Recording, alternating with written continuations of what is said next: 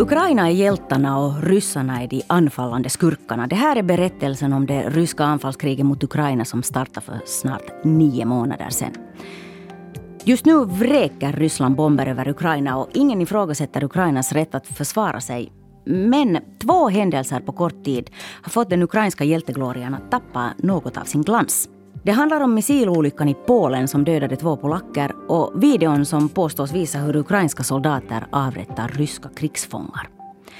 Måste Ukraina ha högre moral än Ryssland i det här kriget?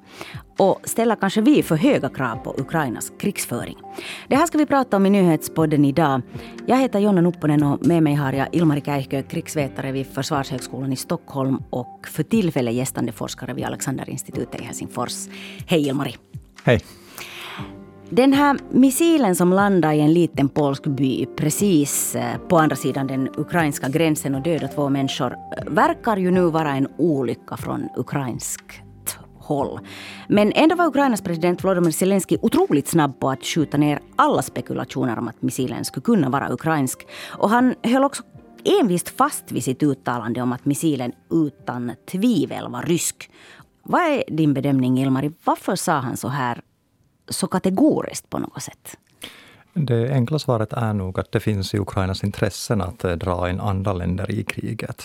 Och här kommer ju fram det stora problemet som Ukraina har haft i kriget sen, sen kriget började. Mm. Och det är att eh, andra länder, inklusive vi i Finland, vill stödja Ukraina, men samtidigt vill absolut inte bli delaktiga i kriget.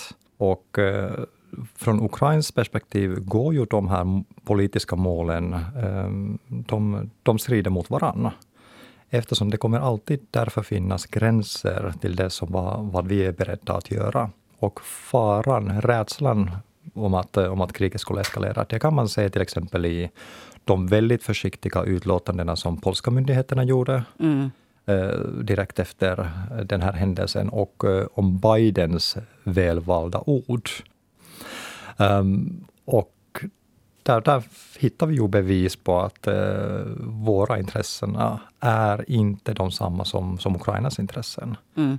Sen kan jag inte säga varför Zelensky um, inte riktigt gick med på Bidens och de polska myndigheternas version av, av händelsen, som var ju att det, det var en, en ukrainsk missil. Mm. Uh, även om det, man kan väl säga att då, även om det hade varit en rysk missil, så gynnade nog inte Ukraina att, att påstå att det var en, en rysk missil. Ja. Om nu Polen, Nato och uh, USA säger att, att eh, det var en ukrainsk missil. Ja, för jag tänker på något sätt att har inte Ukraina ganska mycket att förlora på att inte be om ursäkt när vet, två polska medborgare har dött? Jag vet inte om de egentligen behöver be om ursäkt eftersom uh, det här, alltså skulden ligger ju hos Ryssland. Mm. Det, det, det, måste man konstatera direkt. Det är ju Ryssland som har invaderat Ukraina och mm. Ukraina mm. har ju rätt att försvara sig. Men sen den här uh, spridningen av, av kriget, det är något som vi är väldigt oroliga för och det finns skäl att vara oroliga för. Det här var ju inte första gången något liknande inträffar eftersom uh, det var ju delar av, uh, om jag minns rätt, en rysk missil som landade i Moldavien tidigare i kriget. Mm. Och det här kom, kan väl hända igen under kriget. Ehm, så länge som eh, Ryssland fortsätter skjuta missiler på, på det här gränsområdet. Och eh, tyvärr händer det oväntade saker alltid i krig. Ehm, men eh, jag, jag, vet inte om, om Ukraina har något skäl att be om ursäkt eftersom det här är Rysslands fel det syntes kanske en liten spricka i, i president Zelenskis fasad som hjältemodig krigsledare när han kommenterade det här robotnedslaget i Polen. Man såg en sån här irritation och kanske en viss liten ilska lyste igenom som kanske inte riktigt har synats tidigare. Är det krigsstress eller krigströtthet vi ser i, i det här Zelenskis uttalande eller vad var det vi egentligen såg här? Det är svårt att säga, men som sagt, eh, Ukraina är i en väldigt svår situation. De, de är beroende av, av oss och vår välvilja i slutändan. Och till exempel har vi, har vi nu hört om från, från USA att Ukraina och Zelensky borde vara medvilliga att börja uh, förhandla om fred med, med Ryssland. Mm. Sådana saker. Vilka kan ju tolkas som om att, att det finns vissa länder som, som kan bli lite trötta på på Zelensky och Ukrainas krig, mm. som inte vill se Zelensky som ett hinder för en möjlig fred. Och det, det, kan nog ha tvingat Zelensky att nu backa lite från sina tidigare krav att, att inte förhandla med Putin. Nu, nu verkar han vara villig att göra det. Men givetvis kan vi inte förvänta oss några seriösa fredsförhandlingar så länge som kriget fortsätter. Um, den här andra incidenten den är minst lika allvarlig, kanske till och med aningen allvarligare. Det handlar om eh, en video som har spridits på sociala medier som påstås visa hur ukrainska soldater i Luhanskregionen avrättar ryska tillfångatagna soldater med att skjuta dem i huvudet. Det är ingalunda något tydligt förlopp som man ser på den här videon så, så vad som faktiskt har hänt blir ju nog kanske inte klart. Men vad betyder det om den här videon är äkta? Jag skulle ändå säga att Polen det, det är en allvarligare händelse. Okay. Eftersom där hade man ändå en möjlighet för en internationell eskalering av kriget. Just det. Så om det hade varit en rysk missil och uh, om Ryssland hade avsiktligt anfallit Polen, så då hade Nato nästan varit tvungen att prata om artikel 4, om inte artikel 5. Mm. Och artikel 5 kan ju leda till att uh, hela Nato går in, går in i krig. Mm. Det här andra incidenten uh, om möjlig eh, krigsbrott. Det, det, har nog inte samma tendens för att eskalera kriget. Så det är därför jag inte tror att den är, den är lika allvarlig för, det. för det här. Men eh, om, om det nu hade varit så att eh, någon har begått ett krigsbrott så jag är inte helt övertygad att det skulle ha större konsekvenser. Men återigen, varför, varför vi diskuterar det här mm incidenten är delvis att det är väl Ryssland som har lyft upp det här. Väldigt mycket använder det här i sin krigspropaganda. Mm. De påstår ju att uh, ukrainska styrkor har avrättat ryska fångar. Och det är ju då ett, ett krigsbrott. Men samtidigt vet vi att uh, Ryssland har ju begått systematiska krigsbrott under kriget. Och de, de har väl haft politisk, och jag skulle säga negativ politisk effekt för Ryssland. Mm. Eftersom det har ju ökat vårt stöd till Ukraina. Det har ökat Ukrains krigsvilja. Så det är kanske nog no, något sådant som Ryssland nu försöker också göra. Att titta, de där gör det också på Ex, något sätt. Exakt. Um, men uh, återigen, uh, för oss i väst vi har rätt höga krav på Ukraina mm. och väldigt höga förväntningar. Och jag skulle säga ofta alltför höga orealistiska förväntningar. Uh, Ukraina för ju ett rättfärdigat försvarskrig. Så att bilden är rätt svart och vit här. Mm. Men problemet är att verkligheten är inte svart och vit. Och uh, vi alla vet att det sker smutsiga, mörka, olagliga saker i krig. Eftersom krig handlar ytterst om människor om stora känslor om, om liv och död. Mm. Det är inte alls oväntat om, om nu även ukrainska styrkor har begått krigsbrott. Men sen måste man betona att har de begått systematiska krigsbrott på samma sätt som ryska styrkorna har gjort. Mm, så pass jag vet har det inte skett. Men, men finns det någon möjlighet för Ukraina att föra ett så att säga rent krig? Vad är ett rent ja, krig? Måste man, måste det ska vara min följdfråga. Att vad är ens ett rent krig? Uh, Finns det något sånt? Alltså vi måste komma ihåg att mycket av det här kriget förs eh, om städer. Mm. Det är städerna, alltså det är där människorna bor som är viktiga för kriget, som är viktiga mål i kriget. Och det är inte alla ukrainare som har velat lämna sina hem. Mm. Trots eh, ukra ukrainska styrkorna och ukrainska myndigheternas försök att evakuera dem. Och det, det, är därför svårt att säga att man skulle kunna kriga utan civila förluster. Eh, givetvis eh, har ju båda parter eh, skyldighet att försöka undvika civila förluster och kriga enligt krigets lagar. Mm. Och det finns väl händelser som, som vi har sett på bägge sidorna, att de har inte gjort det. Men återigen, på den ryska sidan känns det som att eh, de har systematiskt använt krigsbrott eh, och terror och avrättningar och så vidare. Mm. Och liknande bevis har vi inte från den ukrainska sidan. Jag tänker så här, kriget förs på ukrainsk mark. När det drabbar civila så är det ukrainare som drabbas. Det är ukrainska kvinnor och barn som dör och fördrivs från sina hem. Ukrainska hem förstörs, ukrainska skolor och sjukhus och kraftverk bombas sönder. Så om ukrainska soldater överreagerar så är det kanske på något sätt ganska förståeligt, sådär mänskligt. Finns det något som skulle kunna rättfärdiga att ryska soldater eventuellt skulle kunna avrättas, så som nu den här videon som har seglat runt påstår? Mm, det korta svaret är nej. Det finns inget som rättfärdigar det. Men givetvis i den här videon kan vi egentligen inte se hela händelseförloppet. Man har klippt videon så att eh, mm. vi kan se att det är en grupp ryska soldater som uh, håller på att uh, ge upp.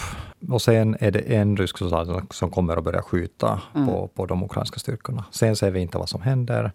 Och, och sen finns en annan video som kommer från en drönare som visar samma plats, eh, sannolikt samma ryska soldater som ligger på marken och blöder.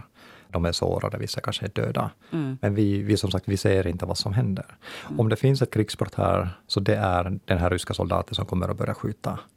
Det, det här får inte ske. Det här går också mot krigets lagar. Det är liksom ett bakhåll. Exakt. Mm. Eh, så att man, man, man försöker lura de ukrainska styrkorna, som tar ju risker. Eh, det här situationen, det är väldigt risk för, för samtliga inblandade. Men eh, om mm. det då är så att någon ukrainska soldater har systematiskt avrättat de här människorna, då är det ett krigsbrott. Men från de här videorna kan vi inte, inte säga vad som hände. Så det enda sättet att hitta någon slags sanning är att eh, det blir oberoende, någon oberoende part som undersöker det här. Mm. Och det kan givetvis vara svårt under, under en krigstid. Mm. Eh, ukrainska myndigheter har, har givetvis sagt att eh, de kommer att undersöka händelsen. Och det är också viktigt att nu verkar ukrainska myndigheterna minst med ord ta det här på allvar på ett sätt som Ryssland har aldrig gjort. Så mm. att uh, den här kommunikationen som, som Ukraina um, har, även om eventuella krigsbrott eller misstänkta krigsbrott, så även, även den känns mycket mer seriöst. Mm. Ukrainas president Volodymyr Zelensky har i nio månader varit en krigstida president. Och, och redan från första stund så tog han väldigt hårt grepp om den här offentliga bilden av den här sin roll. Eh, han stannade i Kiev och det gjorde han eh, öppet med kampanj på sociala medier där han promenerar runt i Kiev eh, på igenkänningsbara platser och berättar åt folk att han är här och han kommer inte att lämna landet. Och så har han fortsatt egentligen så här. Han har varit aktiv på sociala medier. Han har talat direkt till folket. Han har talat direkt till världsledare. Han har talat direkt till oss europeer. Men han ser ju nog tröttare och tröttare ut för var dag som går. Och det kanske inte finns något alternativ för den ukrainska statsledningen annat än att hålla ihop. Men hur mår Zelensky tror du? Det är svårt att säga men det, han måste befinna sig i en väldigt svår situation. Det är mycket som beror på honom personligen. Han har åstadkommit väldigt mycket under kriget. Jag är inte övertygad att någon annan ledare i Ukraina kunde ha fortsatt på, på samma sätt, kunde ha fått så mycket stöd från omvärlden, kunde ha lyckats ena sin egen befolkning bakom sig på det här viset. Zelenskyj har gjort väldigt mycket bra. Sen givetvis eh, finns det också misstag som han har begått, men de kanske diskuteras någon gång i framtiden efter, efter kriget är över. Det är inte dags för den, den diskussionen än. Men samtidigt, man kan väl tänka sig att eh, han lider av enorm stress och press. Mm. Det är svårt att föreställa hur det känns att vara, vara en president för ett land som är invaderat, där eh, människor dör varje dag, där infrastrukturen bombas varje dag eh, och som som sagt är väldigt beroende av externt stöd. Och, och det, det, är ytterst hans uppgift att få det stödet och få allt, allt att hålla ihop och, och att eh, vinna det här kriget. Hur mycket misstag skulle du bedöma att Ukraina får göra i det här kriget innan det börjar kosta i omvärldens stöd? Är det liksom så att Ukraina måste föra ett godare och hederligare krig än Ryssland för att vi ska fortsätta och, och stödja den här berättelsen?